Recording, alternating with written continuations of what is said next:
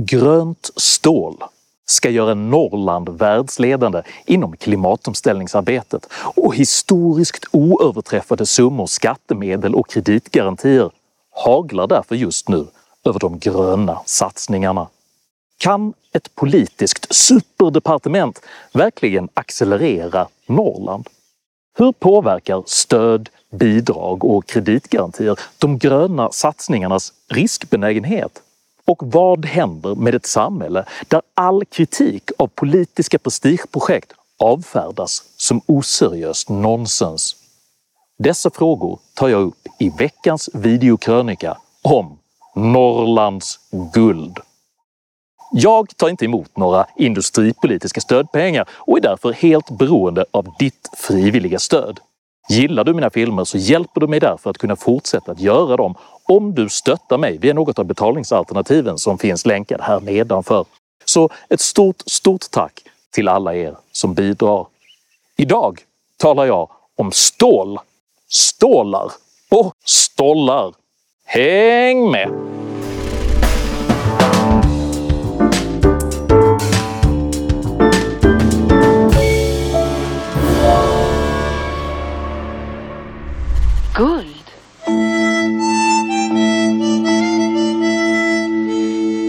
I den svenska tv-serien Kråkguldet från 1969 blir ett norrländskt samhälle besatt av ryktet att det finns guld i deras närhet.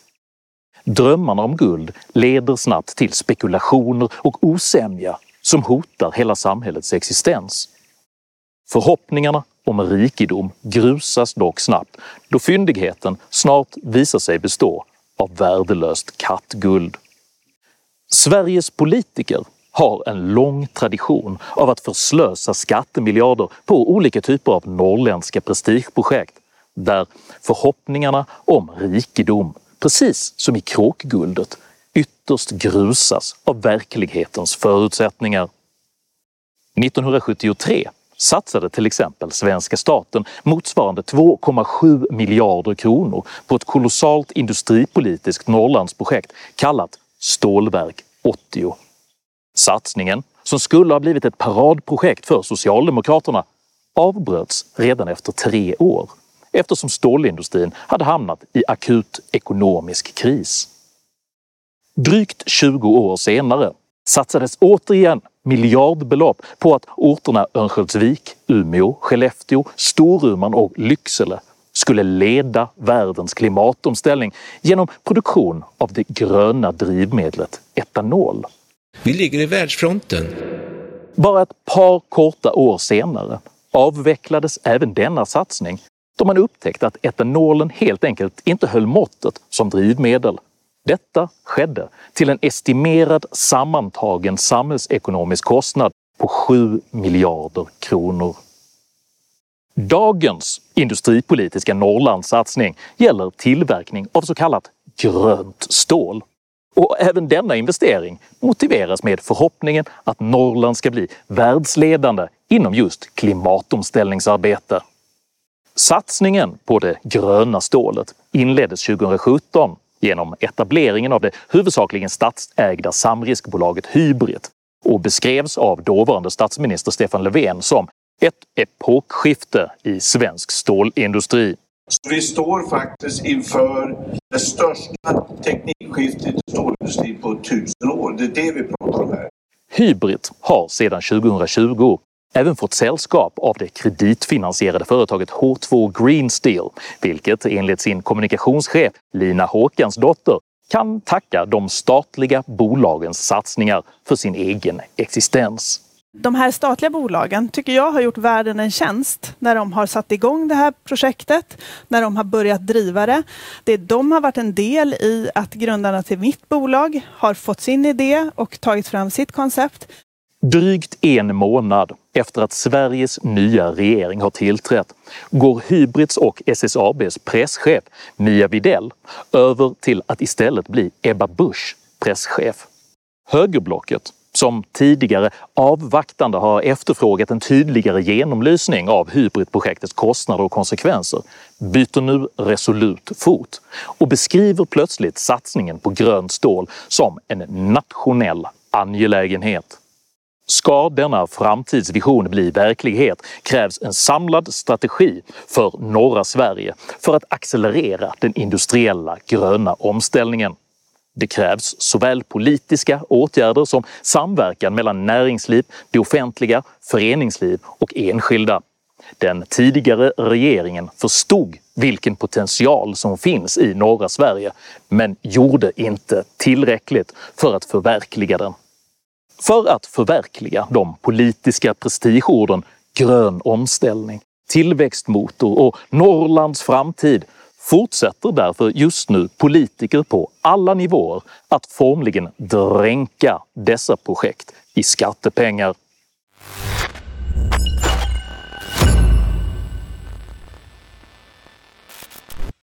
För att förstå hur svåra de praktiska och ekonomiska förutsättningarna för Norrlands gröna stål faktiskt är måste man först känna till hur stål tillverkas.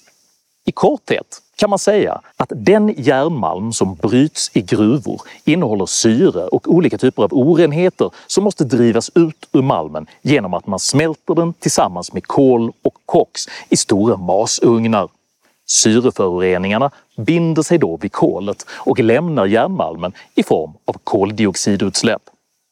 För att undvika just dessa koldioxidutsläpp vill man alltså nu ersätta kolet med vätgas, vilket innebär att syreatomerna istället binder sig till vätet och lämnar järnmalmen i form av miljövänlig vattenånga. Idén är lätt att förstå, men dess praktiska genomförande ställer extrema krav på allt från energitillgång till anläggningskostnader. För att tillverka vätgasen man behöver används nämligen en process som kallas elektrolys. Detta innebär att man med hjälp av enorma mängder el tvingar isär väte och syreatomerna i stora vattentankar varefter den flyktiga vätegasen mellanlagras i specialanpassade underjordiska kammare. Mängden elektricitet som enbart hybridsatsningen kräver i sitt nuvarande utförande beräknas vara ungefär 85 terawattimmar årligen. Vilket alltså motsvarar hela Finlands årliga energikonsumtion. Samtidigt har H2 Green Steel ett beräknat energibehov på 12 terawattimmar, vilket i runda slängar motsvarar hela Skånes energibehov. Dessa två stålföretag gör alltså tillsammans anspråk på att använda mer än hälften av hela Sveriges nuvarande energiförbrukning. De nära 100 terawattimmar förnyelsebar energi som satsningarna kräver innebär därför att veritabla skogar av vindkraftverk måste byggas på rekordtid. För elen som dessa företag behöver existerar inte. Eftersom detta extrema energibehov har varit känt ända sedan projektet inleddes tilldelas Hybrit redan 2016 52 miljoner kronor i forskningsanslag för att utreda satsningens påverkan på elsystemet. Detta fyra år långa forskningsarbete har mynnat ut i en 12 sidor lång powerpoint-presentation med den övergripande slutsatsen att efterfrågeflexibilitet nog är en bra sak. När naturresursekonomiprofessor Bengt Kriström under ett industripolitiskt seminarium tillfrågade H2 Green Steels representant om finansieringen av detta kolossala energibehov fick han det korthuggna svaret. Det kommer att finnas el. Inga problem. Det som jag tycker talar emot då, eh, det är vad vi eh, bedömer i alla fall med elpriset som hur stor är kostnadsandelen för er del? För oss är inte den... den det, det kommer, vi som gick så tidigt här nu, det kommer finnas el. Eh, eh, inga problem. LKABs saktmodige VD Jan Moström besvarade tidigare samma år energifrågan med det lakoniska “Det måste gå”. Om vi återgår till det här med den mängd el, den nästan mm. obegripligt stora mängd el som behövs för att den här fossilfria stålet ska kunna eh, bli verklighet. Är det ens möjligt? Att få fram den el som behövs? Jag kanske ska svara så, det måste vara möjligt. Nyligen besvarade även H2 Green Steels kommunikationschef Lina Håkansdotter frågan om företagets energibehov med orden “De här siffrorna med elanvändning, jag kan inte stå och säga vad som stämmer eller inte” De här siffrorna med elanvändning, jag kan inte riktigt stå och säga vad som stämmer eller inte, hur mycket LKAB ska använda, hur mycket SSAB ska använda eller hur mycket det blir som helhet. Jag tror att det är lite dubbelräkningar i de här siffrorna. Men eh, om alla planer som alla företag har slår in så kommer vi behöva använda jättemycket el. Eh, men jag kan inte liksom, avgöra om det stämmer eller inte. Samtidigt som H2 Green Steels uttalade ambition är att den gröna stålproduktionen ska starta redan under 2025 kan alltså varken deras eget bolag eller LKAB svara på hur man egentligen ska få tag på all den kolossala mängd energi som krävs. Som om detta inte vore nog så saknar H2 Green Steel ännu Mark och miljödomstolens tillstånd för att tappa Lule älv på de 2000 liter vatten som elektrolysprocessen kräver varenda sekund. LKAB har dessutom meddelat att man inte kommer att kunna leverera den järnmalm som bolaget efterfrågar och Trafikverket bedömer att den redan hårt belastade Malmbanan tidigast kan börja byggas ut under åren 2026-2029. Utöver alla dessa saknade resurser utgör Sveriges totala stålförsäljning ungefär 3 promille av den globala marknaden. Varav det betydligt dyrare gröna stålets enda försäljningsargument är just dess miljöpremium. Och på frågan om denna produkt ens är marknadsmässigt gångbar svarar Moström “Jag vill gärna tro det”. För att det här då fossilfria stålet, det är ju också ett dyrare stål. Mm. Finns efterfrågan kvar i en lågkonjunktur? Jag vill gärna tro det. För båda dessa aspirerande gröna stålproducenter framstår alltså inte bara lönsamhetskalkylen utan själva verklighetsförankringen vara obefintlig. Så hur finansieras då dessa påtagligt optimistiska jätteprojekt?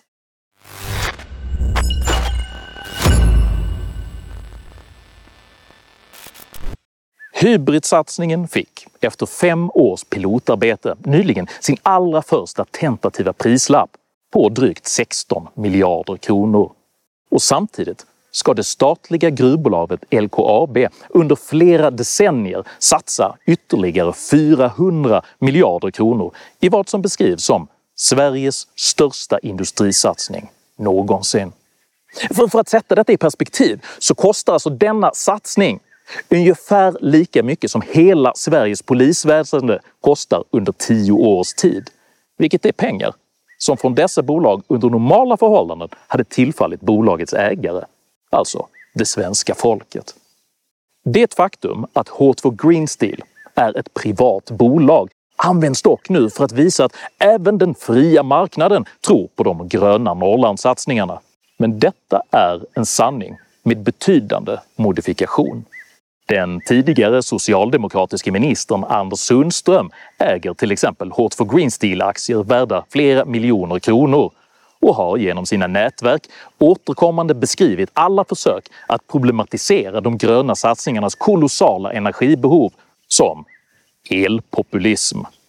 Sundström har vidare bidragit med att säkra upp bolagets långsiktiga finansiering, vilken huvudsakligen består av enorma kreditgarantier utfärdade av offentliga institutioner som Svensk Exportkredit, Riksgälden och Europeiska investeringsbanken. Där Anders Sundströms partikollega Thomas Östros för övrigt är vice VD. Denna brist på verklig marknadsmässighet kritiserades mycket hårt av nationalekonomiprofessor Magnus Henriksson vid det industripolitiska seminariet vid Umeå universitet tidigare i år. Alltså det är ändå viktigt att säga att eh, O2GS har garanterade lån. Ni fick lån på 3,5 miljarder euro nyligen, en stor del garanterade av statliga eller överstatliga organisationer. Ni hade aldrig fått det här, kunnat få de här lånen ogaranterade på obligationsmarknaden till, till ett rimligt pris. Så att redovisa gärna era lånevillkor så kan vi bedöma om vi tycker de är marknadsmässiga eller inte.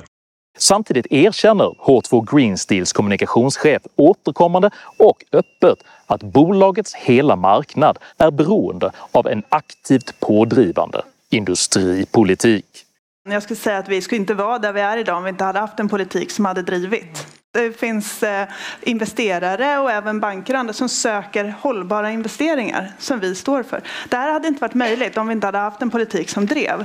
Vi vill vara ett lighthouse, en fyr. Vi vill visa, gå vägen, att det här, det här funkar. Vi ska få den här produktionen på plats och vi ska etablera en marknad för det gröna stålet. Och sen så kommer alla följa efter. Det är vår förhoppning.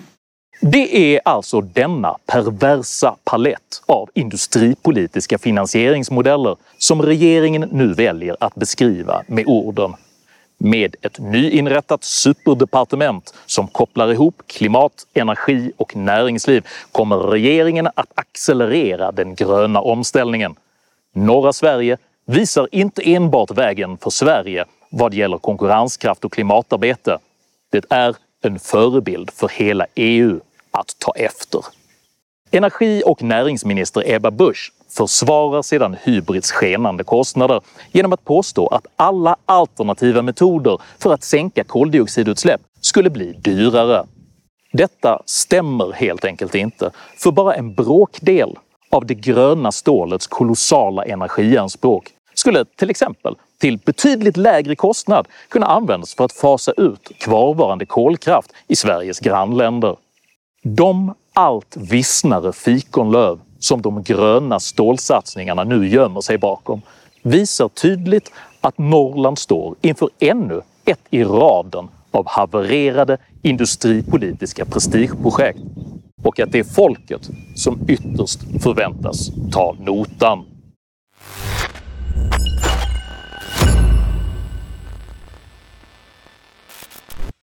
Denna video kritiserar varken Norrland, hållbarhetsarbete eller ens ambitionen att tillverka grönt stål. Kritiken är uteslutande riktad mot den kredit och skattedrivna industripolitik som skapar perversa drivkrafter där vinster privatiseras och förluster socialiseras. Detta är ett destruktivt och tydligt återkommande mönster där politiker förslösar enorma summor av skattebetalarnas pengar på prestigeprojekt med mycket svag verklighetsförankring. Detta ger dem nämligen möjlighet att själva förstå i det progressiva gröna rampljuset samtidigt som mottagarna av stöden, bidragen och kreditgarantierna stämmer in i lovsången för att upprätthålla kapitalflödet. De enda som vinner på denna ordning är dock ett litet antal miljardärer, deras välavlönade kommunikatörer och de politiker som vinner val på sin förment gröna profil. Helt utan personligt ansvar och risk. Enskilda bolag som Hårt for Green Steel bör dock inte skuldbeläggas för denna ordning, för ytterst ligger ansvaret på de politiker, akademiker och aktivister som tillsammans driver fram strukturerna som skapar dessa perversa drivkrafter. Denna kritik borde inte ens vara höger eller vänster, utan en klasslös fråga om att den svenska förvaltningen behöver ett stärkt skydd mot att politiker ska frestas att förslösa medborgarnas skattekronor på flärdfulla prestigeprojekt. För detta är inte marknadsliberalism, utan svågerkapitalism driven av den förfängliga drömmen om Norrlands gröna guld. Norrskens lågor över frusna vatten Bländverk, irrbloss,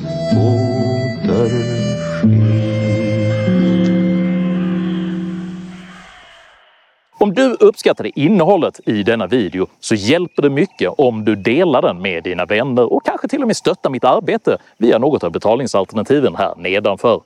Dela gärna med dig av dina egna åsikter och erfarenheter i kommentarsfältet här nedanför. Men jag ber dig att alltid vara artig. Jag accepterar inte aggression, personpåhopp eller rasism i mina idédrivna kommentarsfält. Tack för att du som kommenterar respekterar detta. Jag heter Henrik Jönsson och jag är för marknadslösningar men bekämpar svågerkapitalism. Oavsett vilken färg den än må ha. Tack för mig och tack för att du har lyssnat.